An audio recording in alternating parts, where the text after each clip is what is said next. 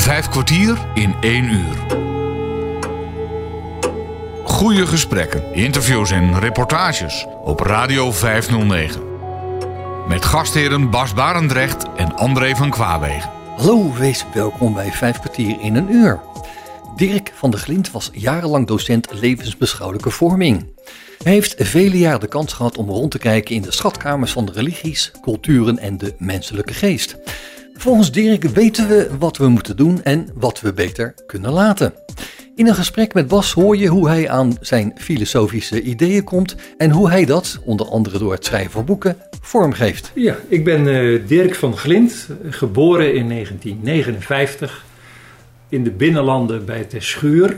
En dat ligt bij Barneveld in de driehoek Barneveld, Voorthuizen, Nijkerk. Meer precies in de buurt van Uilengoor. Als je daar één afrijdt richting Amersfoort, dan heb je daar op een gegeven moment de parkeerplaats Uilengoor. En in die contraien ben ik geboren in een groot plattelandsgezin. Ik had uh, uh, vijf broers en drie zussen. We waren met negen kinderen thuis. Ouderwets? Ja, ouderwets, zo was dat. Een groot plattelandsgezin. En dat was uh, vaak gezellig. En uh, ja, we hebben ook als broers en zussen elkaar ook wel eens een beetje opgevoed. Al zaten we elkaar natuurlijk ook wel eens in de haren. Het was een gezellige bende. Ja. En ja, ik heb een, een, een, goede jeugd gehad. Wat wel wat lastig was, waar ik achteraf ook denk ik toch wel last van heb gehad. Is dat ik ben opgegroeid wel in een heel christelijk gezin. En door het geloof lag er ook een zekere zwaarte over het leven het idee dat ik eigenlijk zondig en slecht was. Uh, en dat het toch vooral ging om het leven na de dood. Dat heb ik een hele tijd toch wel als een soort last uh, met me meegedragen. En in de loop der jaren ben ik daar wel wat van, van losgekomen, ja. zal ik maar zeggen. Ook van het idee uh, dat mijn eigen geloof het enige juiste was. Ja. En dan zelfs nog het gereformeerde geloof was het enige juiste. Ja. Katholieken zaten er natuurlijk sowieso helemaal naast. He, zo ben ik echt opgevoed. Ja, ja, ja. En dat is iets waar ik achteraf van zeg, ja, dat is, dat, dat is niet goed. Heb je er met je ouders nog over kunnen praten toen ze leefden? Jazeker. Mijn vader die, uh, is ook erg die kant uh, opgegaan van, van uh, eigenlijk een vrij denker. Het is wel mooi om te vertellen, toen, toen mijn pa in 2000 overleed, heeft hij echt meer dan een meter schriften, mappen en boekjes nagelaten. Allemaal dingen die hij geschreven had, dagboeken. En uh, ja, daar ben ik volop in aan het neuzen geweest. Het was eigenlijk de bedoeling dat wij als broers en zussen allemaal een gedeelte van die schriftjes door zouden kijken. Om daar de pareltjes uit te halen. Mm -hmm. Maar ja, je weet hoe dat gaat. Je groeit op en je bent druk met leven. En je wil dat altijd nog eens doen. Ja. Maar het komt er maar niet van. Ja. Maar drie jaar geleden ben ik met vervroegd pensioen gegaan. Mede omdat ik ook alles van mijn pa echt nog eens echt door wilde lezen om te kijken wat hij nou eigenlijk allemaal had opgeschreven. En dat bij jouw leven ook wilde doen. Ja, en, en ja. precies. Dus, dus uh, ik denk, ja, het zal me toch niet gebeuren. Ik had ondertussen zelf het geluk gehad dat ik een paar uh, boeken uit had kunnen geven. En uh, dat mijn pa, die dat eigenlijk graag gewild had, dat ik van hem dat nog nooit gelezen zou hebben. Ja. Dat denk dat, dat, dat is toch eigenlijk niet goed. Ja. En ik ben dat gaan lezen en daar ben ik echt ja, hele mooie dingen in tegengekomen. Mijn pa heeft op hoge leeftijd aan ons vertelt dat hij zijn hele leven eigenlijk een leugen geleefd heeft omdat hij homoseksueel was. Dus hij was dik in de 70 toen hij dat vertelde. Nou, dat bracht natuurlijk een heleboel uh, ja, commotie teweeg. Ja. Ook bij mijn moeder, die achteraf zei: Ja, ik begrijp nu dingen. Hè, mijn ouders zijn geboren in de twintige jaren van de vorige eeuw ook in streng christelijke milieus. Dus homoseksualiteit, dat was een zonde, daar praatte je niet over. Nee. En dat was er niet, dat mocht er niet zijn. Dus mijn vader is in een hetero-relatie gestapt. En een groot gezin waar heel veel goeds in zat, maar toch altijd een leven geleid wat niet het zijne was. En dat is voor hem de reden geweest dat hij op hoge leeftijd er toch mee voor de dag gekomen is. Dat hij zei: Ik heb overwogen om het mee te nemen in mijn graf. Maar ik zie hoeveel verdriet het in mijn leven teweeg heeft gebracht. In hemelsnaam, als je ooit bij een van je kinderen of je kleinkinderen het vermoeden hebt dat, geef ze in hemelsnaam het recht om het leven te leiden dat bij ze past. Ja. Dat precies is, ik ben jarenlang docent levensbeschouwelijke vorming geweest. En uh, dat is eigenlijk ook steeds meer de kern geworden van wat ik leerlingen mee heb willen geven. Wat ik ook in mijn schrijven mensen probeer mee te geven. Uh, leid het leven dat bij jou past. Wees de mens die je ten diepste bent. ja. Ga niet. Hè, een van mijn boeken heet Leef wat je bent. Nou, daar zit dat eigenlijk in. Ja. Maar mooi om te vertellen, een aantal jaren geleden zat ik met dat boek ergens en uh, er kwam, het was in de levenstuinen bij, bij Teugen, een heel mooi complex met allemaal tuinen en daar zat ik met dat boek. Toen kwam er een oude man met een wandelstok en die komt bij mijn tafeltje staan en die ziet dat boek liggen, Leef wat je bent. En hij zegt, dat is een waar woord meneer. Ik zeg, ik zie dat het u raakt. Ja, zegt hij, dat raakt mij. Want weet u, ik kom graag in tuinen. Ik hou van tuinen. Van jongs af aan had ik dat al. Als kind had ik achter de schuur een eigen tuintje. En ik was daar altijd met plantjes aan het prutsen. En, dat doe je dan? En, ja, ik, ik, en ik wilde tuinman worden. Ja. Maar mijn ouders vonden dat niet goed. Dat was veel te min. Ik moest doorleren. En nou, dat heb ik gedaan. Toen zegt hij, ik ben boekhouder geworden. En met een snik in zijn stem zegt hij... Dan heb ik mijn hele leven op kantoor gezeten. Terwijl ik eigenlijk tuinman had willen zijn. Ja. Kijk, dat vind ik verdrietig. Ja. Dat je, hey, natuurlijk, je kunt in omstandigheden zitten dat wat je heel graag wil, dat dat niet kan. Maar ouders die als een kind dolgraag naar de kunstacademie wil, daarvoor gaan liggen omdat ze vinden dat ze iets nuttigs moeten gaan doen. Zulke ouders zou ik het liefst een schop onder de kont geven. Ja, ja. Gun je kind het recht om dat te doen. Ja. Wat echt bij ze past.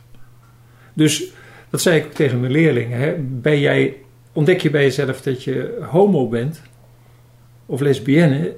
In hemelsnaam, ga dan niet in een hetero relatie zitten, want daar word je erg ongelukkig van. Ja.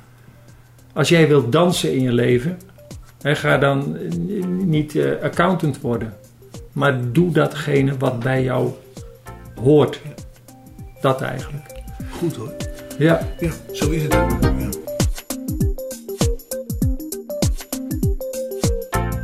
Radio 509. Mijn vader had heel graag door willen leren, dat is een ander verhaal.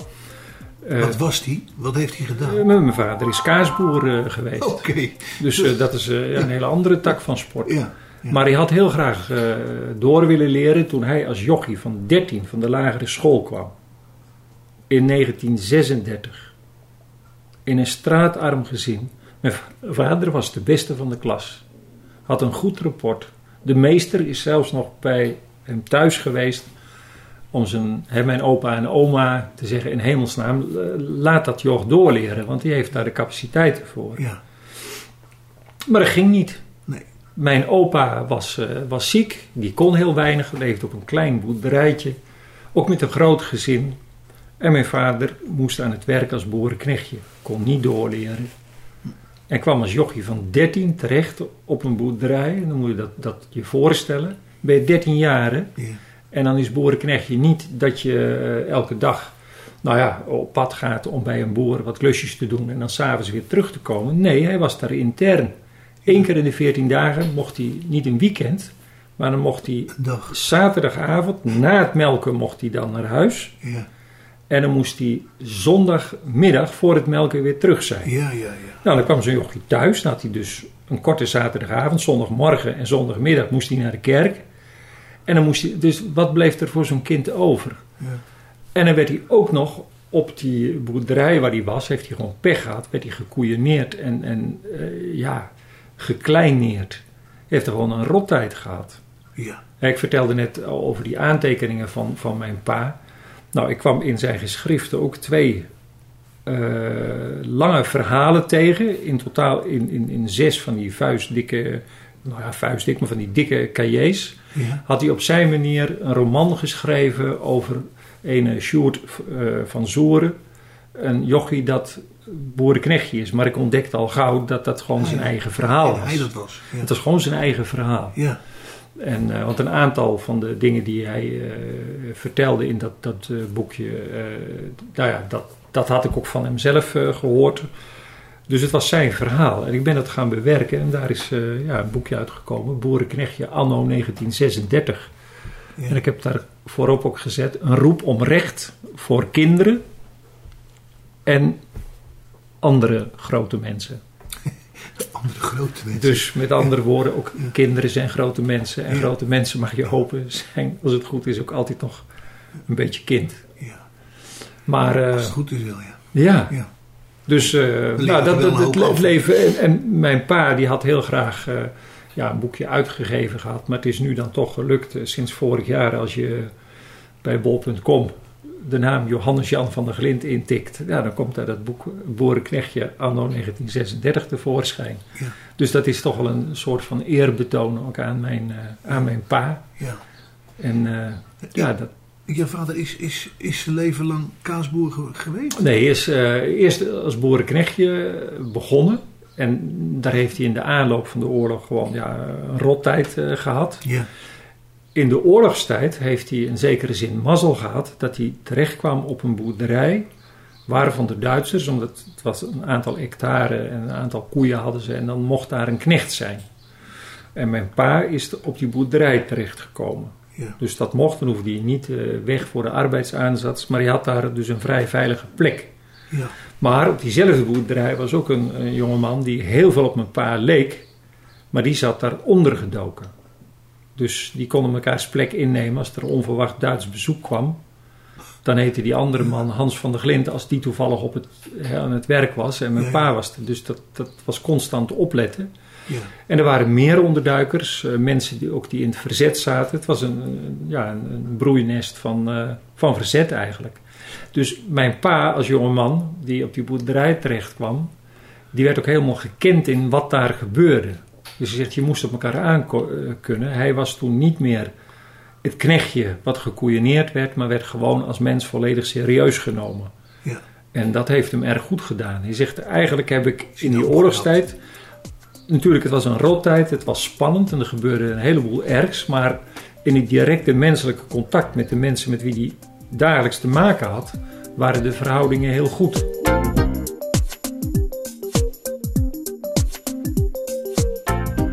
Bas Barendrecht spreekt momenteel met Dirk van der Glint, oud-docent levensbeschouwelijke vorming en auteur van verschillende boeken. En toen na de oorlog eh, is hij ook nog een tijdje al- als boerenknecht aan het werk geweest.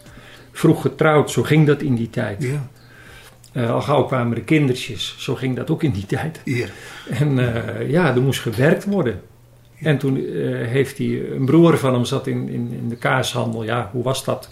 Eh, je ging met de fietsmand met kaarsen ging je de boer op. Ja.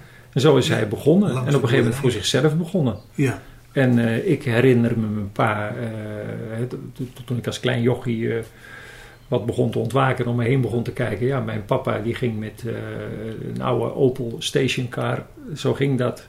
Die zondags gebruikt werd om de hele family naar de kerk. Ja. Eh, die, die werd s s'morgens ingeladen met, met dozen met margarine, doosje boter, zijen, spek gingen mee. en vijf soorten kaas of zes. Jong, jong belegen, belegen, oud belegen, oud. En komijnenkaas, dat was het zo'n beetje. Ja. Dus, nou, en daar verdiende hij zijn boterham mee. En dan thuis, we woonden buiten. Ja, een aantal moestuinen waar altijd heel veel te doen was. Altijd werk aan. Mijn ouders, ja, daar heb ik bewondering voor. Die hebben zich echt eh, het schompers gewerkt Ja. om dat grote gezin eh, gaande te houden. ja. Dus En eh, deden jullie ook mee in die tuin? En ja, dat moest wel. Ja, dat snap ik. ik heb die tuinpaden die geschoffeld moesten worden meerdere keren vervloekt. kan ik wel Ja, zeggen. snap ik. En 's winters ook. En je moest kolen halen uit het hok. En, en je moest altijd meewerken. Ja. Achteraf zeg ik, is dat ook, zit er ook iets heel moois in. Ik heb als kind wel altijd het gevoel gehad dat ik ook nodig was. Dat ik een bijdrage moest leveren aan dat, ja, die, die, die kleine gemeenschap. Hè. Dat Ja. zijn de woorden die ik er nu aan Een geef. kleine leefgemeenschap. Maar je, ja, je, je was nodig. Je, je leverde een bijdrage. Ja. En dat is denk ik tegenwoordig wel eens als, ja, als kinderen, en nu chargeer ik een beetje, maar soms als eh, prinsen en prinsesjes worden eh, grootgebracht, dat ze thuis eigenlijk weinig hoeven te doen, want er is een vaatwasser en weet ik wat er allemaal is. Ja. En een schoonmaker die ook nog een kamer opruimt. Ja. Ja, dan denk ik Wordt het toch wel anders? dat ik het eh, in dat opzicht eigenlijk nog niet zo slecht heb gehad. Nee. Dus eh, Is het, is het al je broers en zussen leven die nog? Mijn broer Aalt, die hier in Apeldoorn eh, eh, ook nog wethouder is geweest, die is vier jaar geleden overleden. Die heeft een herseninfarct gehad en eh, tien jaar daarvoor. En is langzaam maar zeker toch wat meer in de versukkeling geraakt. En eh, zijn gezondheid liet hem steeds meer in de steek. Ja, En op een gegeven moment heeft zijn hart hem in de steek gelaten. En, Ja. ja. dat was. En dat, dat, dat is voor mij in, in 2018 is dat gebeurd.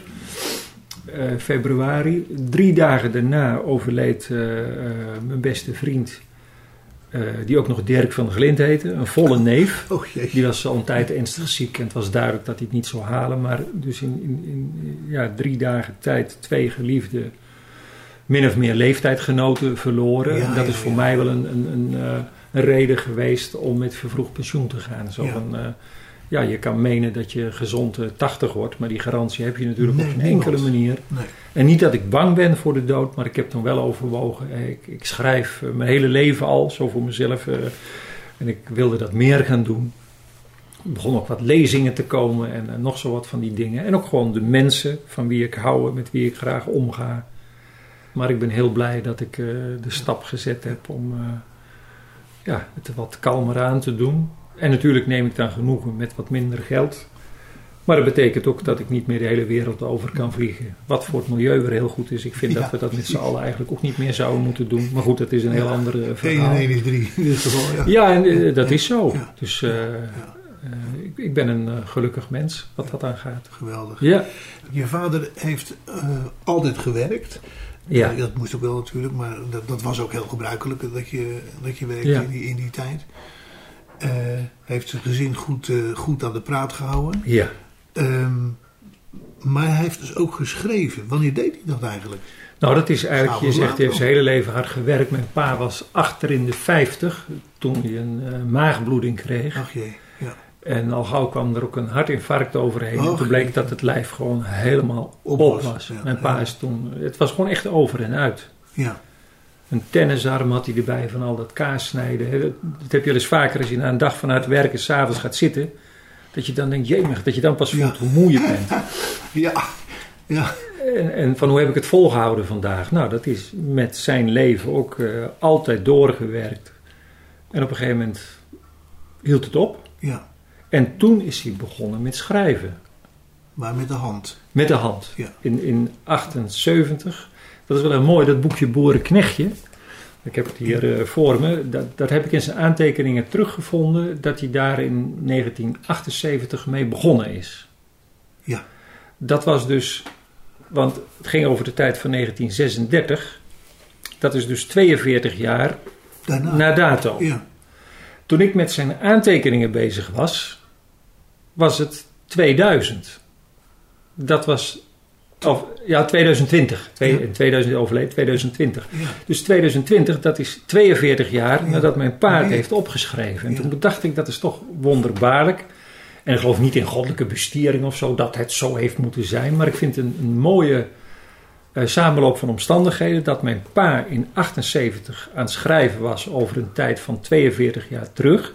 Toen ik er nog niet was. Ja, ja.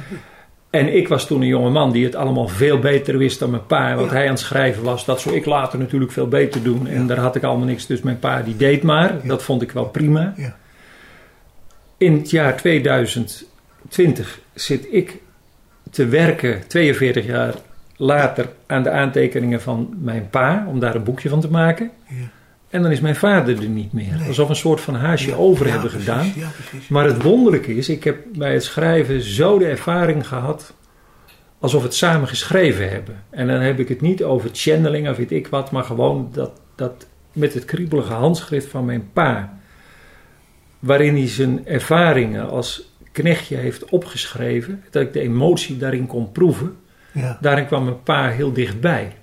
En het is wel leuk, achter op het boekje staan twee foto's, eentje van mijn pa en een van mij. We hebben allebei zo'n hoedje op. Ik ben dan de oude man van 60 op die foto. ja. Mijn pa is de jonge man van begin 20. Dus daar zit die omkering in. ja Alsof leuk. ik me als oude man van 60 over het jochie wat mijn pa destijds was heb mogen ontfermen. En ik heb soms echt het gevoel gehad alsof ik bij, bij die eerste boer ook, dan sliep hij op zo'n grote zolder. Er was in huis wel ruimte, maar ja, de knecht die moest natuurlijk Ja, naar boven. die, die- ja, die kon niet in het gewone woonhuis. Dus die sliep daar op die boerenzolder. Er stond een bed Er stond een kist waar hij wat spulletjes in mocht doen en een stoel en dat was het. Ja. En dan lag zo'n jochie daar, hè? die had geen smartphone om nog even op de kloten s'avonds. Nee. Die, Nee, nee, die nee. had, en die was, hij had, echt waar, hij had een schriftje en een pennetje bij zich, want hij had graag wat willen schrijven. Maar hij schrijft, daar is het toen nooit van, hij was gewoon te moe. Dat jochie was op. Ja. En dan lag hij soms s'avonds in zijn bed alleen te huilen. ja. Niemand was En dan had ik het gevoel of ik dan naast hem zat en dan zei van... Goh, Hansje, dan heb ik het over mijn pa. Ja. Zal ik het zo opschrijven? En of ik hem achteraf daar nog mee heb kunnen troosten. Dat, dit is van een ontroerende schoonheid. Ja, dat is het. Ja. Ja, dat, Ja. ja. ja, Dat doet je best veel, denk ik. dat doet mij eh, veel. Vijf kwartier in één uur op Radio 509. Ik heb al als kind met mijn pa ook hevig gebotst. Ik heb veel op mijn sodemieter gehad. En dat is iets eh, wat ik achteraf zeg. Hé hey pa, dat was niet goed. hè. Er werd in die tijd nog veel geslagen. Ja, Ik heb op school zelfs eh, vaak klappen gehad. ja. We hadden een bovenmeester.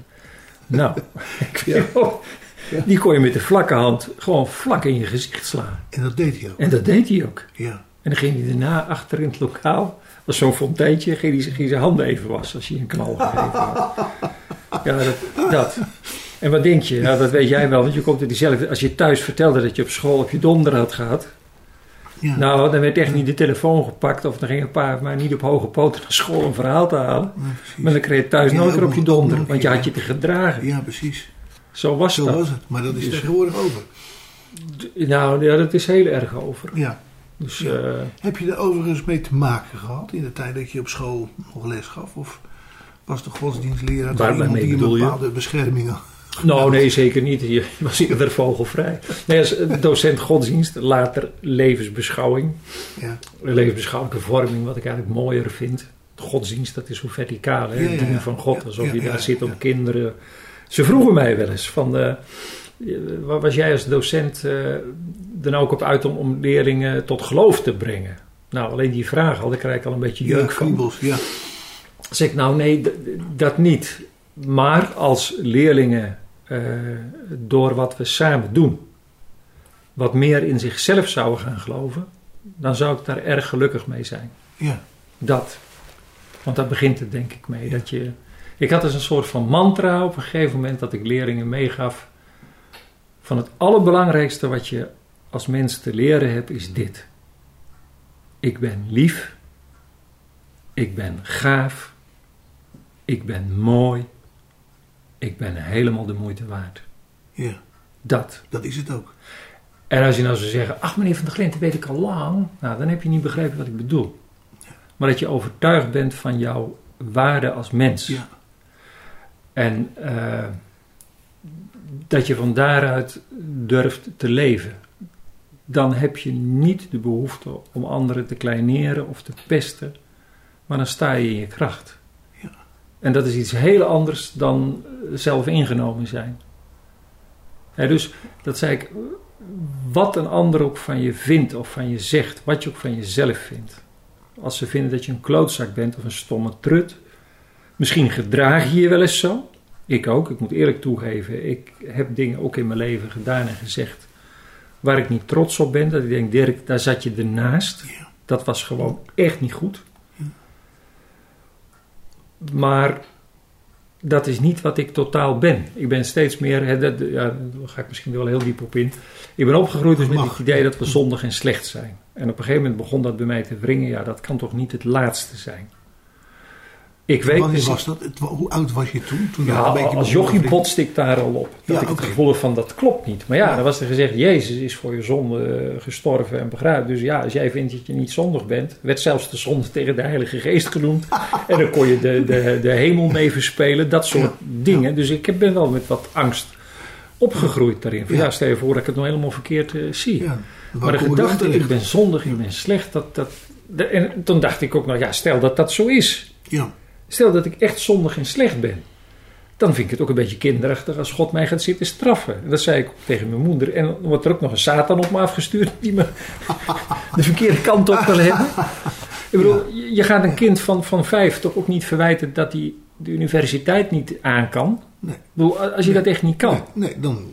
Omgekeerd, Ja. als je wel hebt, ja, dan moet je soms ook op je duvel hebben als, je- als, je, als je het eh, verkloot. Ja. Eh, dus slechtheid is niet wat ik ten diepste ben, maar ik kan wel vervreemden van wat ik ben. Zo ben ik dat gaan zien. Ja. Dus mijn diepste lagen, dat geloof ik, ik, ik, geloof dat jij ook, wie ook me ziet, ten diepste wil jij geen medemens kwetsen, vernederen, je wil niet moorden, je wil niet verkrachten, je wil niet, nou wat er nu in Oekraïne ook gaande is, dat is niet Ja. wat mensen echt willen. Nee. Maar door omstandigheden kun je er wel in verzeild raken en Ja, vervreemd raken van je jezelf. Ja.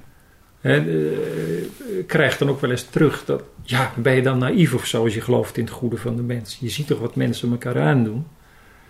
En dan zeg ik van, nou, als het slechte eh, echt ons wezen, onze natuur is, dan zouden soldaten die in Vietnam gevochten hebben, daar los hebben kunnen gaan, toch met een goed gevoel terug hebben moeten komen. Ja.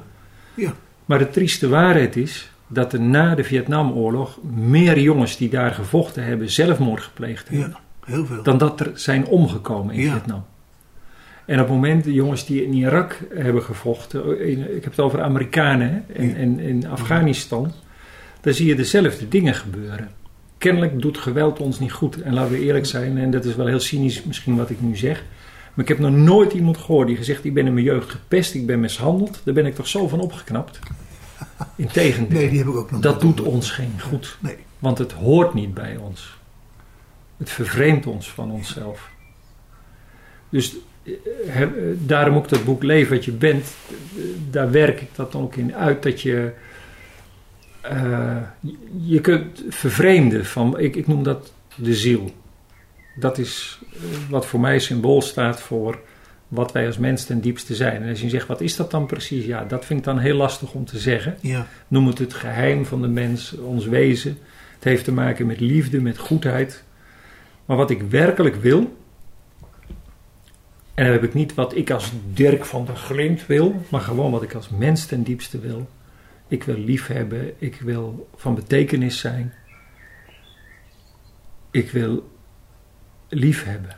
Liefde is mijn diepste drijfveer. Heel en volgens mij is dat bij elk mens ja. Dat denk ik ook, ja. Dat dat is. Ja. Maar dat we in onze gekwetstheid en onze boosheid. Ja, daarvan vervreemden. En dat zie ik ook in mezelf. Hè. Als eh, eh, ja, ik me tekort gedaan voel, dan kan ik in een soort van kramp schieten. Van ja, potverdomme. nou, Maar ik voel tegelijkertijd dat ik daar niet blij van word. Ja. Dat er iets in me is wat, wat zegt: nee, zo, zo wil ik toch niet zijn. Dat. En ik denk dat dat diepere kijken naar de dingen, naar het leven, nou, dat, dat had mijn pa ook. Vijf kwartier in één uur. Bas Barendrecht spreekt met Dirk van der Glint, oud-docent levensbeschouwelijke vorming. Hij heeft vele jaren de kans gehad om rond te kijken in de schatkamers van de menselijke geest en kwam er daardoor achter dat zijn in zijn jeugd opgelegde gereformeerde wereldbeeld niet klopte met de werkelijkheid. In Dirks eigen woorden, langzaam maar zeker ben ik toegegroeid naar het geloof dat er geen enkele zekerheid kan worden gevonden in een godsdienst die exclusiviteit claimt. Wat werkelijk van waarde is, ligt verborgen als een kostbaar geheim en rijke bron van leven in de kern van onze humaniteit. Het verlangen lief te hebben en te worden geliefd.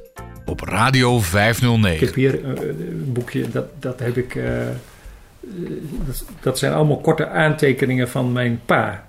Vind je het goed als ik daar twee kleine stukjes van voorlees? Ja. Dus die heb ik gewoon uit zijn dagboek eh, geplukt.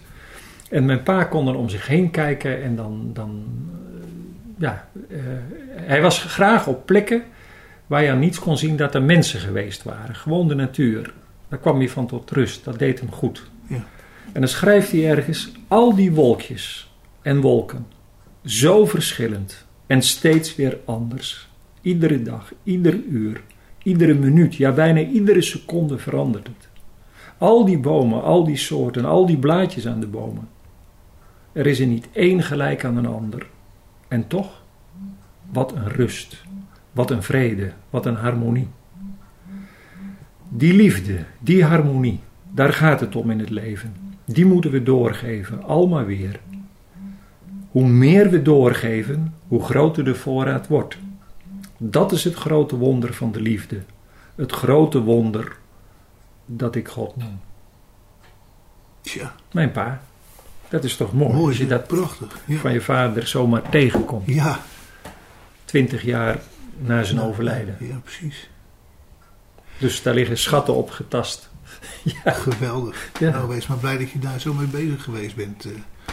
Dat is een grote rijkdom. En ook daarin, dan krijg ik wel eens terug van mensen een beetje... Ja, jij hebt al die aantekeningen van je pa. Ik zeg, ja, maar je kan ook... Hè, als je vader niet meer leeft of je moeder... ben je misschien te laat. Ja. Maar als je ouders nog leven, zou ik eens kunnen vragen van... Goh, pa, ma, wat zijn nou die dingen die het leven jou geleerd heeft? ja. Wat zijn de dingen die jij in je opvoeding ons allemaal hebt mee willen geven... die mij misschien ontgaan zijn? Waar draait het gewoon dat je, dat je dat eens vraagt. Of omgekeerd, dat je voor je kinderen de belangrijkste dingen... Dan weet je, goh, dat, dat zijn mijn levenslessen. Die, die zou ik ze graag mee willen geven. Dat je die eens opschrijft ja. het daar eens over hebt. Ik gaf mijn leerlingen die, die, die, die raad ook wel eens. Ik heb er zelfs wel opdrachten van gemaakt. Van, eh, nou, zoek eens iemand op. Eh, het mag ook je buurman zijn of eh, je opa, je oma. Maar wat is voor jou, wat is voor u het belangrijkste wat u in het leven geleerd heeft? Of, of kunt u me wat levenslessen geven? Nou, daar kwamen prachtige dingen uit. Ja, joh. Ja, maar daar praten we niet zo gauw over als we elkaar tegenkomen. We zeggen, ja, wat heeft het leven jou geleerd? Ja, ja, ja. Terwijl dat zoveel moois op kan leveren.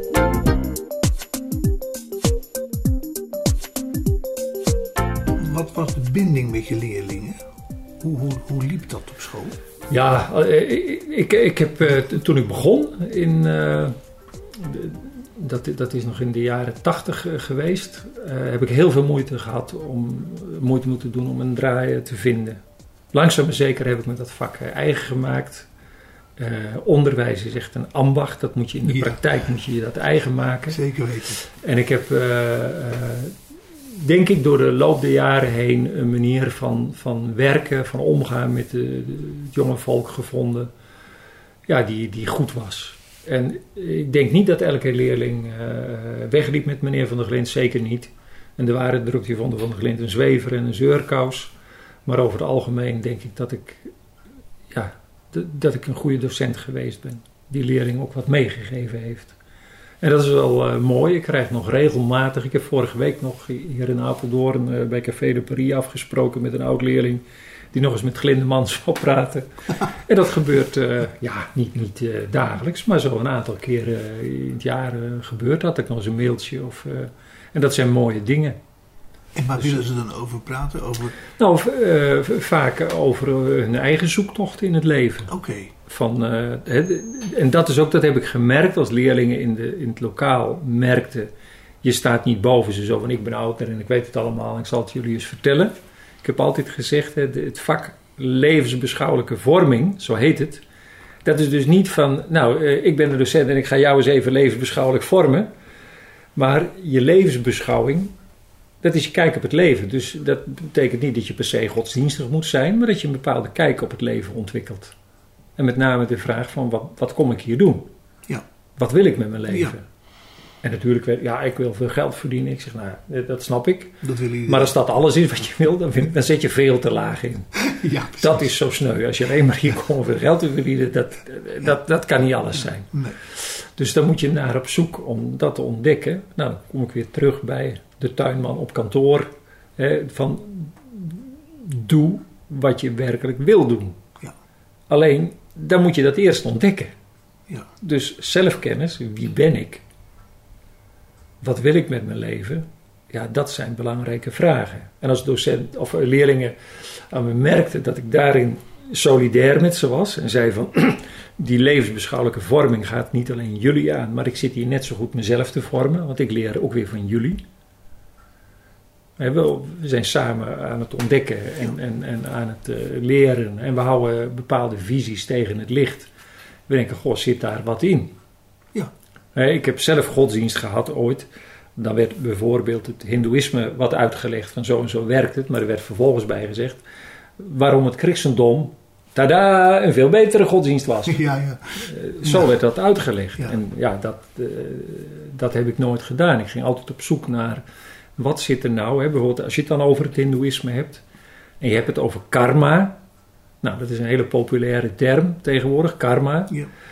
Eh, ik geloof daar niet één op één in. Dat precies alles wat je doet, nou dan, maar het is wel interessant om erover na te denken van wat ik doe, wat voor gevolgen heeft dat.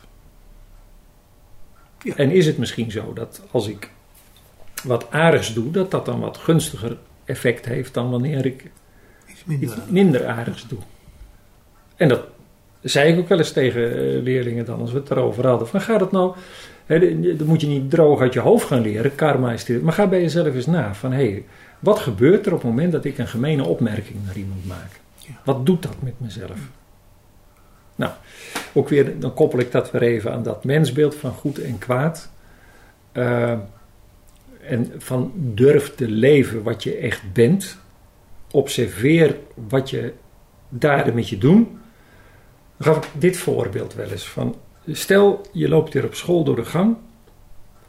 Met je vrienden of vriendinnen. En je komt een medeleerling tegen uit een andere klas. En die heb je al eens eerder zitten pesten. En je maakt een ongelooflijk gemene, smerige opmerking. En je ziet die ander in één krimpen. En je zegt tegen je maat, hey, zag je dat? En je voelt je een hele piet. Ja. Oké. Maar heb je dan ook het lef om als je s'avonds alleen in de badkamer staat, het liefst in je blote kont voor de spiegel, om jezelf aan te kijken, terug te gaan naar dat moment waarop je je medeleerling ineen ziet krimpen en jezelf dan deze vraag te stellen: Ben ik trots op mezelf? Dan wordt het doodstil in de klas. Ja. En we weten allemaal het antwoord. Ja. En als je zegt, daar ben je trots op, ben je rijp voor de psychiater. Ja. Maar als je daar niet trots op bent, dan moet je jezelf de vraag stellen, maar waarom doe ik dat dan? Ja. Ja, en dat is altijd, of bijna altijd, ja, ik wil stoer doen, ik wil serieus genomen worden, ik wil dat Een plaats hebben. een plaats hebben. Ja. Maar het is als het drinken van zout water, het helpt even, het geeft even de kick en vervolgens word je er ongelukkig van. Ja. En nou, kijk, dan vind ik, dan wordt de term karma, dan is dat niet iets academisch waar je wat over kunt leren. Maar ik koos voor wat ik noem een existentiële benadering. Het heeft met jouw bestaan te maken.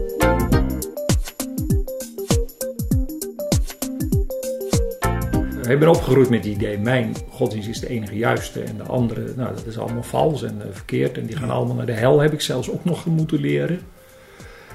Maar ik ben godsdiensten gaan zien als menselijke pogingen om te dealen met de grote vragen van het leven. Menselijke pogingen. En natuurlijk krijg ik dan van eh, ja, wat zwaarder gelovige mensen eh, gouden opmerking van: Oh, dus jij denkt dat het allemaal door mensen bedacht is? Dan zeg ik ja en nee. Rituelen, teksten, eh, dogma's zijn allemaal door mensen bedacht. Ja. Dat geloof ik. Ja. Maar even als metafoor, ik vind het fijn om te schrijven. En soms schrijf ik iets en dan lees ik dat later terug en denk ik, verdomd, dat is mooi. En dan heb ik nooit het gevoel van, hé, hey, wat ben ik een, pof, een toffe peer, wat ben ik knap dat ik op ik dat geschreven heb. Goh, wat ben ik geweldig. Nee, dat, er zit eerder iets in van dankbaarheid, van goh, Ja. dat, wat mooi. Er zit meer in dan je zelf in je vingers hebt. Meer dan wat je zelf doet. Ben je gelukkig in je relatie? Dan kun je, goh, wat onderhoudt je relatie toch goed? Wat, wat goed van mij. Nee, er zit iets in, met een oud woord, genade. Van wat je overkomt, wat je Ja. toevalt. Ja, wat, wat, meer is dan wat je zelf in de hand hebt. Daarom maakt het je ook zo blij.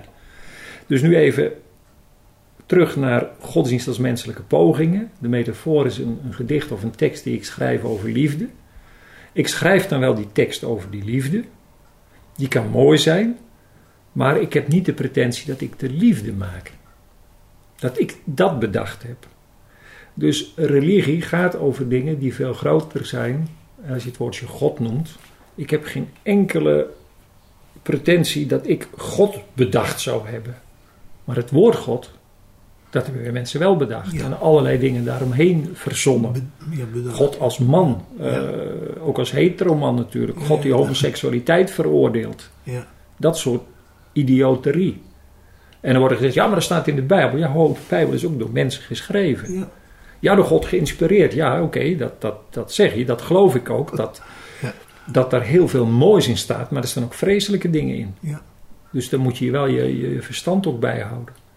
En tegenwoordig worden ook nog hele mooie dingen geschreven. Prachtige muziek gemaakt die hemels is. Prachtig. Dus dat goddelijke, ja, eh, wat ik... Mijn vader noemde dat graag het geheim. Dat had hij niet over God, maar het geheim. Wat hij bespeurde. Oh joh, ja ja. Ja, dat geheim met een hoofdletter. Ja. Dus eh, dat vind ik, vind ik wel mooi. Hij is altijd gelovig gebleven, je vader? Nou, mijn vader heeft zich heel sterk verzet tegen en, eh, dat, dat, dat ja, Calvinistische, strenge, veroordelende geloof. Mijn vader begon ook, dat is wel mooi, in, in de 70 80 jaren was er een serie Cosmos op tv. Met Carl Sagan. Ja, En dat, dat ging dus over de stand van de wetenschap, maar ook over de, de, de sterrenstelsels en de planeten. En daar was je helemaal door gefascineerd van, van, van de grootsheid van dat bestaan. ja. Dat hij ook zei van ja, wat wij van God gemaakt hebben, dat is gewoon veel te klein. God moet zoveel Groter zijn Ja. dan wij mensen kunnen snappen en Ja. begrijpen. Dat doet mij weer denken, ik denk heel associatief, aan een spreuk uit het oosten, uit India. Iemand heeft daar eens gezegd, wie God heeft leren kennen, maakt geen ruzie over zijn naam. Dat vind ik Ja, prachtig. zo is dat, ja. Wie God heeft leren Ja, kennen. Ja, ja, ja. En ik heb zelf er wel eens bij bedacht. En we kunnen van alles over God zeggen. En er wordt me ook wel eens gevraagd van hoe is dat dan? Je bent docent godsdienst geweest en je gaat ook naar de kerk. Hoe is dan God? Als kind dacht ik, er komt een moment, dan weet ik het. Dan, dan Ja. is dat afge en dan is dat, dat helder. Ja, Hoe ouder ik word, hoe minder ik het weet. ja. En hoe fijner dat dat is. Ja, Ja, dat, is, dat geeft ruimte. Ik hoef het allemaal niet te weten. Nee. Ik hoef dat, dat, dat hoeft niet zo, zo. Ik vind zeker willen weten is net zoiets als dat ik van mijn vrouw zou vragen. En dan wil ik dat je elke dag opnieuw je handtekening zet. Dat je deze dag in elk geval bij me blijft. Dat ik dat zeker weet. Ja. Nou, dat is een mooie liefde. ja, Ja, ja. en God ook. Nou, de- de- dus, en bij God heb ik ook dan, dan een metafoor. Als we het over stilte hebben. Eén ding is zeker. Op het moment dat ik het woord stilte uitspreek. Is er één ding niet. En dat is de stilte. En misschien is dat met het uitspreken van het woord God ook wel. Dat als je daarover gaat praten en discussiëren. Dat God daar al lang uit weg is. ja. Dus misschien moeten we wat meer stil zijn.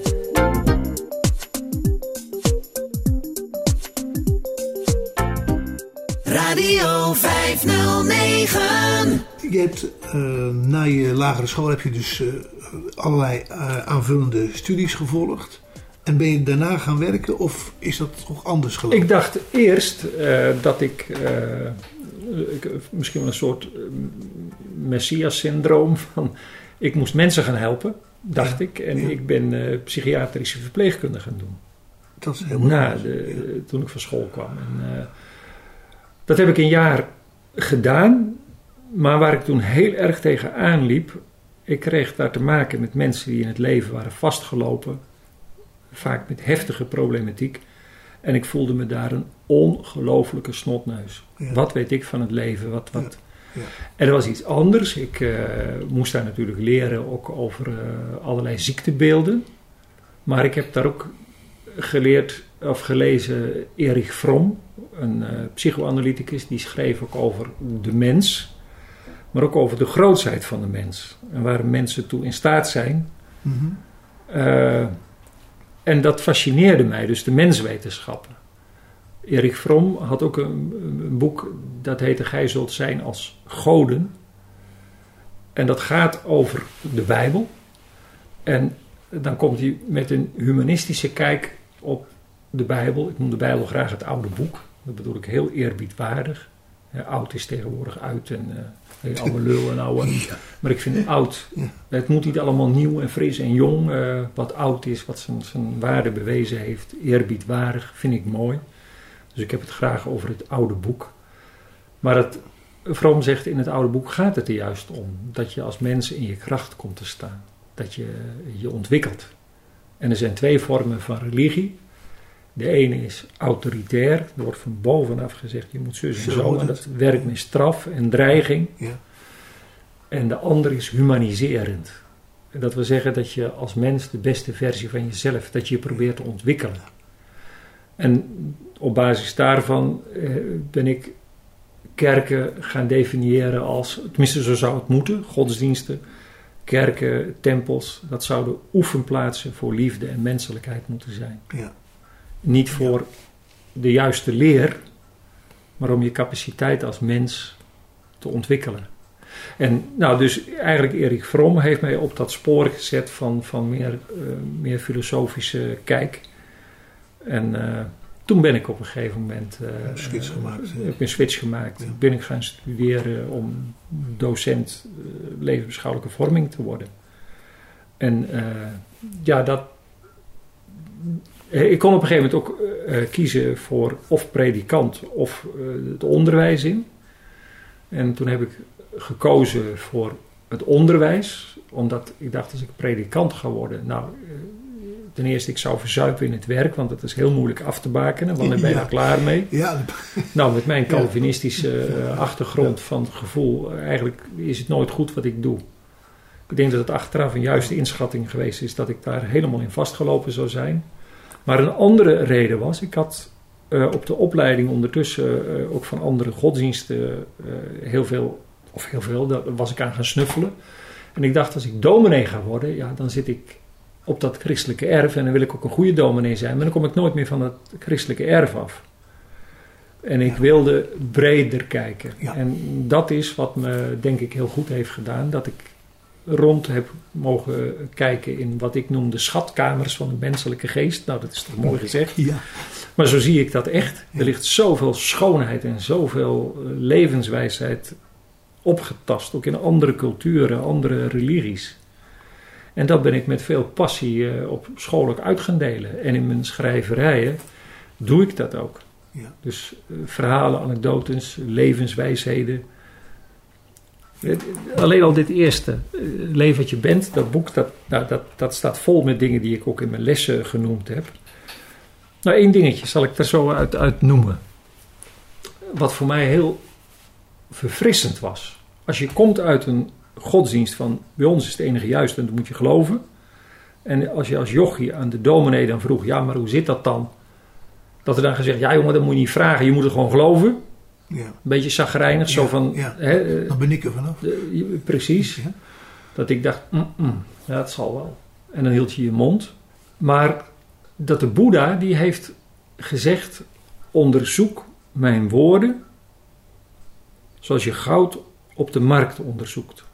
Nou, dat is in die tijd. Ja, ook tegenwoordig kun je besodemieterd worden waar, waar je bij staat. Maar goud, er werd mee gerotzooid. Hè. Er werden steentjes met goudverf of een dun laagje. Dus dat moest je echt goed onderzoeken. En dat de Boeddha dus niet zegt, je moet mijn woorden aannemen omdat ik het zeg. Nee, maar onderzoek mijn woorden als goud op de markt. Klopt het wat ik zeg? Is het wel waar? Ja. Dat vind ik heel Ja. mooi, heel verrijkend. Ja, ja, ja, ja, ja. Resoneert het met iets binnenin jou? Voel je van binnenuit dat dit waar is? Dat het past, ja. Nou, dan kom je weer op hetzelfde. Eh, Leef wat je bent. Durf de mens te zijn die je bent. Dat je dat dus moet weten. En nou, een van mijn grootste zorgen die ik in het onderwijs steeds meer kreeg. Of, wat ik om me heen zag gebeuren. eh, dat wij als mensen steeds gesommeerd worden om onze oren te laten hangen naar autoriteiten buiten ons. Mhm. Ik moest als kind naar mijn ouders luisteren, natuurlijk. Maar ik moest ook naar God, naar Jezus, naar de Bijbel en de Meester. Maar niemand heeft ooit eens tegen mij gezegd: joh, maar hoe is dat voor jezelf? Wat wil jij zelf nou echt? En er is me al helemaal nooit geleerd om daarop te vertrouwen, op mijn innerlijk kompas. Terwijl het daar begint natuurlijk. Ja. Dus, maar hoe weet je dat dan? Ja, daar moet je dus tijd voor nemen. Op school ook, en, en via Facebook en, en Instagram, leerlingen zijn constant bezig met wat andere. Dus ik moet me conformeren, ik moet er zo uitzien, ik moet dit en dat, want dan hoor ik erbij. Maar dat is de verkeerde vraag. Je moet, het moet er niet om gaan dat je erbij, het moet erom gaan dat je echt bent. Ja. Dat. Ja. Dus ja, hoe weet je dat nou? Ja, daar moet je dus tijd voor nemen. Dus ik zou het niet mooi zijn als je elke dag, bijvoorbeeld na het eten, eh, een minuutje of tien op je kamer, geen telefoon, maar gewoon even stil. En bij belangrijke keuzes van, hoe voelt dat nou? Is dit wat ik wil? Je hoort toch vaak, dan gaan leerlingen, dan gaan ze een bepaalde studie doen het eerste jaar. Nee, dit is het toch niet. En niet dat je alles kan voorkomen door heel zorgvuldig te registreren wat je werkelijk wil. Maar ik denk dat het wel wat zou helpen als we dat wat meer zouden doen. Ja. Ook met wat je eruit kraamt. Nou, het eh, eerst tot tien tellen is natuurlijk sowieso al heel belangrijk. Ja.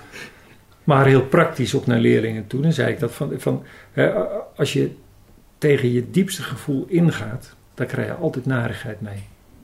Dus als je gaat zitten pesten terwijl je het eigenlijk niet wil. Of je vriend, vriendin wil met jou naar bed en jij bent er eigenlijk nog niet aan toe. Je wil het eigenlijk nog niet, je kunt het niet goed uitleggen, maar het voelt nog niet goed.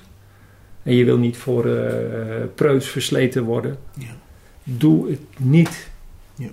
De ander heeft dat alleen maar te respecteren. Hij zegt, ja, ik vind je lief, ik vind je leuk, maar ik, ben- ik, ik ben er nog niet aan toe. En ga niet over je grenzen heen. Dat. Ja. Maar dat is een verdomd lastig. Ja. En dat hebben we, ja, we allemaal denk ik te leren dat we meer serieus nemen wat er diep van binnen Is.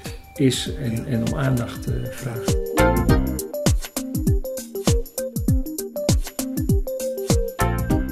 Voor vijf kwartier een uur spreekt Bas Barendrecht met Dirk van der Glint. Een van zijn motto's is: geef de mensen het recht het leven te leiden dat bij ze past. Dirk, je hebt, ehm, eh, hoe lang heb je in het onderwijs gezeten? 35 jaar of zo? Ja, ruim 37 jaar. 37 jaar. Goed, dat doet ja. Ja. Dus je hebt heel wat leerlingen gehad. Maar toen op enig moment eh, eh, stopte je ermee. Ja, En dat was ook een goede keuze. ja, Op het juiste moment. ja, dat denk ik. Begrepen ze dat op school? Jawel, ik kon dat eh, heel goed uitleggen. Zeker als ik, eh, nou, ook, eh, met wat ik steeds dan, dan eigenlijk zei: van, van doe datgene wat bij je past. Nou ja, dan, Ja. ik ben nu hier aan toe. Ja. En dat is wel mooi, hè? wordt wordt ook wel eens gezegd: gewoon mis je het niet? Nee, dat zeg ik, ik mis het niet. En eh, was het dan niet goed? Jawel, het was heel goed. Ja. Zeker de laatste jaren, ik ben daar steeds meer eh, ingegroeid. Maar ik vergelijk het graag met de tijd toen we in de jonge kinderen zaten. Ik ben vader van vier kinderen en eh, nou, je snapt dat is op een gegeven moment ook een hele drukke tijd geweest. Maar als je nou vraagt, zou je terug willen naar die tijd dat je er twee in de luiers had en, en, en nog een paar eh, kleuters ook had lopen? Ik moet er niet aan denken. Nee. Was het niet goed? Ja, het was mooi. Ik had het niet Ja. willen missen. Ja. Maar eh, ik zit in een andere fase van mijn leven en, en Ja. het is goed dat ik nu in die andere fase zit. Zo, zo voelt dat. Ja. En in die andere fase heb je dus, ben je gaan schrijven. Ja, en ook eh, verzorgen van, van lezingen. eh, soms ook gewoon bij mensen in, aan huis die dat, dat leuk vinden dat ik wat kon vertellen. Eh, Ik hou eh, nooit mijn neus op voor eh, een wat kleiner publiek. Ja. Maar ik vind dat fijn om dat, eh, om dat te doen. Ja. En in het afgelopen jaar ben ik met eh, eh, Leonie Muiderman, een, goede vriendin eh, van, van ons, eh, die op 17-jarige leeftijd blind geworden is, nu 38 is, een, een eh, ja, best heftig leven eh, heeft. Zij had de wens om haar levensverhaal op te schrijven. En ja, hoe komen dan de dingen bij elkaar? Ik heb heel veel eh, levensbeschouwelijk geschreven, wat, wat filosofisch, niet echt verhalend romanachtig, maar door het boek Boerenknechtje over mijn pa, die heeft me echt op dat spoor gezet om meer verhalen te gaan schrijven. En daar ben ik echt van gaan genieten. Dat heb ik fijn gevonden om dat eh, te doen. En toen kwam eh, de vraag van Leonie: van, goh, zou je me willen helpen om daar een verhaal van te maken van mijn leven? En eh, nou, dat is nu ruim een jaar geleden zijn we er samen aan begonnen. Elke week kwamen we bij elkaar en dan vertelde zij over haar leven. Ik kreeg inzage in fotoalbums uit de kindertijd, dagboeken, aantekeningen van haar moeder. Leuk. Ik heb haar vader, haar moeder, ook haar zussen eh, gesproken.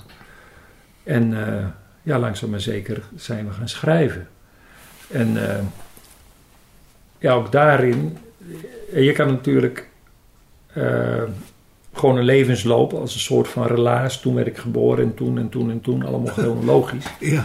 Maar dat is om te lezen niet zo spannend. Dus ja, het moest een beetje anders worden. We hebben er eh, al vrij snel voor gekozen om niet één op één het verhaal van Leonie zelf te vertellen. Maar een hoofdpersoon. Ze wilden heel graag dat, dat die Vicky heette. Nou, dat hebben we, hebben zo gedaan. Eh, we hebben de gezinssamenstelling waar ze uitkwam veranderd. De beroepen van pa en ma. Ze heeft in plaats van twee zussen een broertje en een zusje gekregen. En dat is ook om enige privacy toch te waarborgen. Dat als je nu iets leest, dat je dan in je achterhoofd kan hebben... ja, dat kan de echte moeder van de echte Leonie zo gezegd hebben. Maar het kan ook de verbeelding van de auteurs geweest zijn. Ja. Dus uh, er is heel veel... Uh, ja, de verbeelding is losgelaten op die verhalen. En uh, dat is nu een, een, soort van roman geworden met een blinde stok op de snelweg. Hoe ga je verder als het leven je heeft stilgezet? Ja. En daar hebben ja, het is nu net uit. Uh, al heel veel, tenminste vind ik in een korte tijd heel veel mooie, lovende reacties op gehad. Ja. We hebben gezegd het moet een boek zijn dat, dat niet alleen voor blinden of voor mensen die op een andere manier door het leven zijn stilgezet, maar ook voor familie, vrienden, kennissen, hulpverleners, mensen in de zorg. Uh, wat, wat begrip, inzicht, maar ook wat steun en troost zou kunnen bieden. Dat. Ja, er staat bijvoorbeeld achterop, een, dat is een soort van motto van het boek. Het zijn vaak mooie, lieve en gevoelige mensen die worstelen met het leven. Maar voor mij zijn het helden. Ja. Jij bent zo'n held. Ja, ja, ja. ja. Dat. Ja, ja. Dus, uh, nou ja, goed, ook dat had ik niet kunnen doen als ik uh, op school mijn loopbaan vervolgd had. Ja, ja want Dus dan had je toch nog wat jaren gemoeten. Ja, ja of gemogen, dan had ik nu nog, ja. ben nu 63, dan had Ja. ik nog vier jaar uh, vooruit gekund. Ja. Dus uh, ja, ik lever, nogmaals, aan geld heb ik best uh, een mooi beetje ingeleverd. Maar als ik zie wat het aan kwaliteit van leven en aan mooie dingen oplevert, dan ben ik daar heel gelukkig mee. En je weet nooit wanneer het stopt. Nee, precies. Dus, uh, en wat, je, je weet ook niet wat er nog meer uit voortkomt Ja. aan, aan, uh, aan, aan mooie uh, dingen. Dus,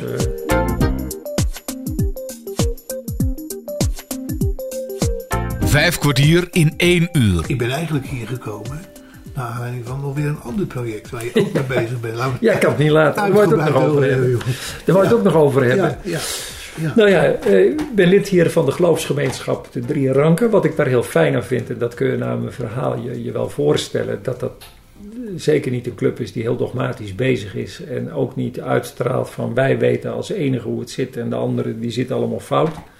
Maar het is in mijn beleving ja, een, een oefenplaats voor liefde en menselijkheid. Ja. Dat dat eigenlijk voorop staat. Dus daar voel ik me meestal uh, prettig. En natuurlijk, zoals altijd, nou, ook als je naar je favoriete voetbalclub gaat, dan heb je uh, topmiddagen uh, en avonden. En ook wel eens dat je denkt, nou, dat was hem vanmiddag niet. Was dit het dit was het niet echt vandaag. Uh, nou, dat heb ik bij onze geloofsgemeenschap ook wel eens natuurlijk. Dat ik denk, van, nou, vandaag vond ik het wat minder. Dan is er ook altijd nog de vraag, ja, wat kom je er halen, wat kom je er brengen? Was Ja, mijn precies. input Ja, vandaag, uh, Ja. of mijn output, uh, nou zo dat anderen daar veel aan gehad hebben? Die vraag mag je dan ook altijd wel stellen. Maar goed, bij ons in de geloofsgemeenschap weet ik, zijn er verschillende mensen die, die ook schrijven en uh, mooie teksten kunnen maken. En toen had ik zomaar het idee, wat zou het toch leuk zijn om daar eens een boekje van te maken met teksten door en voor mensen uit onze geloofsgemeenschap.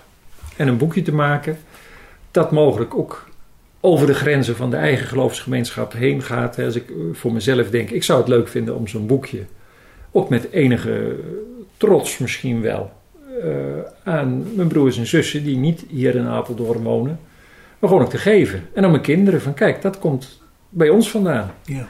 Dus uh, met teksten, met tekeningen. Uh, en ik ben samen met Willem Olierook, die ook uh, graag schrijft, uh, zijn we eens om de tafel gaan zitten en uh, een plannetje gemaakt. En we zeggen, nou, we gaan het gewoon doen. We hebben in februari de vragen uitgezet. Eerst met de kerkenraad overlegd van, nou, dit is wat we willen. Zo gaan we het opzetten. Is dat goed? En met de PR-commissie, nou, die waren allemaal meteen enthousiast. Van, nou, leuk idee, ga dat doen. Ja. De enige zorg die we aanvankelijk hadden was van ja, als je eh, open, sommigen zeiden nee, je moet echt gericht mensen gaan vragen, want dan weet je zeker dat je kwaliteit binnenkrijgt. Stel je voor dat je, nou dat was ook iets wat ik wel voelde, van het kan natuurlijk dat je dingen binnenkrijgt waarvan je denkt ja, dat vinden wij, Wat moet ik wat, ermee? wat moet ik ermee? Ja. Maar dat is niet het geval geweest. Ik vind het echt allemaal, en natuurlijk, er zitten soms inhoudelijk dingen bij dat ik zeg ja, dat zie ik wat anders. Maar ja, dat mag natuurlijk ook. Ja, zo is dat. Niet iedereen eh, hoeft het zo te vinden zoals meneer Van der Glint dat vindt. Dus eh, dat is ook prima. Hè, dat het ook inhoudelijk eh, nou, verschillende registers bespeelt, zal ik maar zeggen. Maar ik ben aangenaam verrast door de, wat ik echt de grote kwaliteit vind van, van eigenlijk alles wat, wat binnenkomt. Heel divers. En wat ik heel fijn vind, niet prekend, niet belerend, maar vaak toch heel open, speels, verrassend. Het heeft kwaliteit. En het is een boekje aan het worden, nou, het gaat zo'n 150 bladzijden eh, opleveren. Er hebben nu zo'n 30 mensen bijdrage aan geleverd. Ook prachtige tekeningen. Dus eh, ja, dat is een heel mooi boekje aan het worden. En dat gaan we eh, uitbrengen in september, vlak voor de startzondag. Op startzondag zelf om daarna een eh, viering, daar een soort van boekenmarkt neer te zetten. Dat leek ons niet helemaal eh, het juiste moment, maar de dag ervoor, een beetje ludiek, een, eh, een feestje, om dan dat boekje te presenteren. En nou, dat is waar ik nu eh, En veel hoeveel tijd zijn er al van, van nou, er zijn Ja, er op dit moment, want we hebben vorige week de vraag neergelegd bij mensen van je kunt een, flyertje gemaakt en dat begint nu zo'n beetje te lopen. Maar er zijn nu al meer dan 200 boekjes eh, besteld. Ja. Dus het is op dit moment eigenlijk al geslaagd. Ja. En dan wil ik er nou wel bij zeggen, want eh, dit is echt een, een. eh, Kijk, veel mensen doen als vrijwilliger van alles voor de geloofsgemeenschap. Nou, dit is iets waar ik aan kan bijdragen. En wat ik kan doen. Dus eh, er zit geen enkel eh, financieel oogmerk bij van een verdienmodel voor mezelf. Mhm. Nee, alle winst. Hè, want natuurlijk, die boekjes moeten gedrukt worden. Die flyers hebben wat geld gekost. En er zijn nog een paar dingetjes. Nou, die hebben keurig genoteerd. En op het moment dat we de order uitzetten en weten, de drukker vraagt dat. Nou, dan is er afgesproken van de opbrengst. Worden eerst de rekeningen betaald. Maar alles wat er dan extra binnenkomt, dat gaat gewoon in de kas van de drie ranken. Want daar is eigenlijk altijd wel geld nodig. Ja, er- zo'n gemeenschap kost natuurlijk veel geld. Ja. En het is ook een hele nieuwe accommodatie. nieuwe accommodatie. Dus Begin de corona Kijk, eroverheen. wie weet, eh, als het dan voor een bepaald doel misschien toch wordt ingezet, of voor de jeugd van de kerkers, dat vind ik allemaal prima. Ja.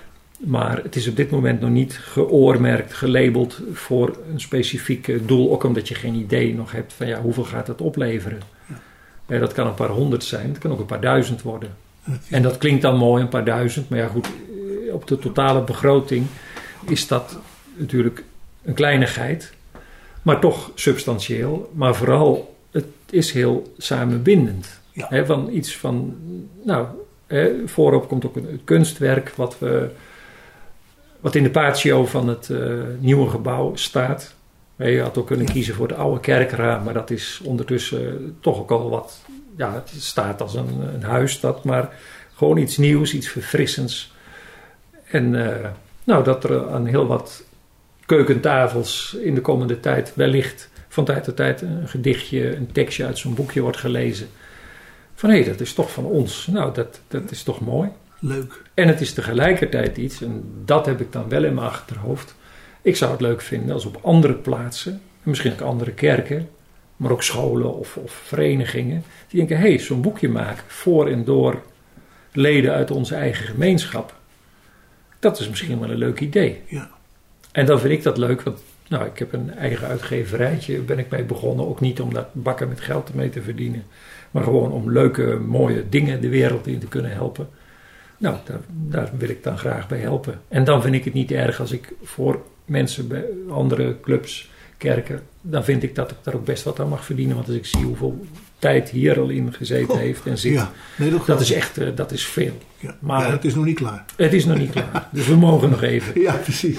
Ja, Het doet me overigens denken aan ik kom uit Oostvoorne en daar hadden we elke, elke kerst hadden we een boekje. En dat was dan door de predikant zelf geschreven. Een kinderboek. Nou, dat is ja, mooi. Prooi der Zee. Ja, wat Dat ging mooi. over een schip en dat, Ja, eh, ja, ja, ja, ja, ja, dat, dat, verging natuurlijk. Er moest wat mee gebeuren. Dus het is, en het was, dat zag er ook keurig uit. Het was Ja, niet, wat mooi. geen 150 pagina's, maar het was... Nee, nee, nee, maar dat, dat is mooi. Dat iemand dat doet, hè? een stukje creativiteit, wat leuk. met kerst kreeg je dan, als je op de zondagschool zat, en ik, ik zat daar weliswaar niet op de zondagschool, maar ik zat wel op een zondagschool op een, in de plaats waar mijn internaat stond. En dus, Mhm. dat was- dus ik kreeg ik altijd de welbekende mandarijn Ja, kerst. ja, ja, ja, ja. Wat altijd- mooi. Altijd Mooi. denken aan kerst. Ja, ik begrijp het. Ja. Wat leuk. Ja, ja.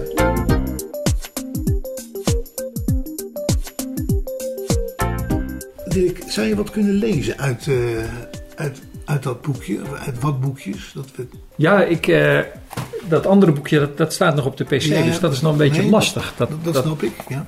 maar ik heb hier eh, een klein boekje, dat heet 50, of dat heet Stille Aandacht, 50 mijmerijtjes. Ja. Ik eh, vind het leuk soms om, eh, dan loop ik ergens, maak ik een fotootje van iets en dan eh, schrijf ik daar een klein tekstje bij. Ja, daar heb je een boekje van gemaakt. Ja, ik, ik kan er een, een paar doen, vele, vele, Ja, vele doe, wat. doe maar, leuk. Nou, dan doe ik er hier twee die passen een beetje bij het seizoen. Het voorseizoen, het naseizoen. En die rijmen op elkaar. En de eerste, nou, ik liep ergens in een boomgaard.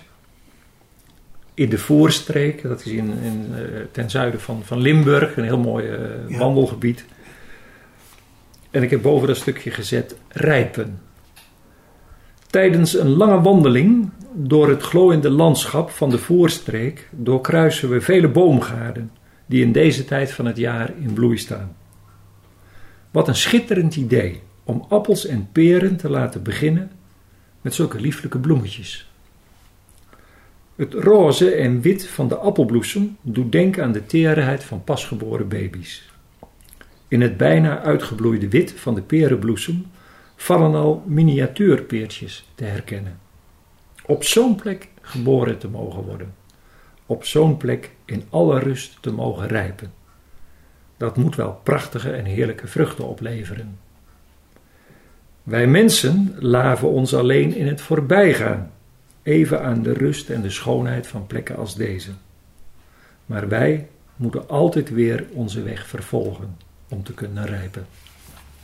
Mooi zeg. Ja, Ja. ja prachtig. Dan heb ik hier nog eentje, dat is dan het einde van het seizoen. Dan zie je kastanjes die uit de boom Oh ja, gevallen zijn liggen met hun stekels en hun glimmende. Ja. Nou, daar heb ik boven gezet overgave. Kastanjes liggen her en der verspreid onder hun bomen te baden in het licht. Ruwe bolster, blanke pit. In de lente begonnen zij hun levensreis als tere blommetjes toen de bomen hun kaarsjes opstaken om kou en donker te verjagen. Gaandeweg zochten ze bescherming voor hun zieltjes en zetten ze hun stekels op. Nu is de tijd gekomen om in vertrouwen open te gaan en zaad te worden van wat nog niet geweten wordt. Dat ik openbloeien mag zonder eerst zo hard te hoeven vallen. Nou, dan sluit ik af met. eh Kijk, dat zijn mijn twee kleinkindertjes, die zitten aan de tafel te kleuren. Ja, oké. Emma en Robin, dat is al van wat jaren geleden. Maar ik zag dat zo eens aan en ik maakte dat fotootje en daar schreef ik het volgende bij. Ik heb er kleuren boven gezet. Laten we onze kinderen leren dat ze de wereld een beetje mooier kunnen kleuren. Laten we ze leren dat we nooit machteloos zijn, maar altijd iets kunnen doen. Al is het maar met een doosje kleurpotloodjes.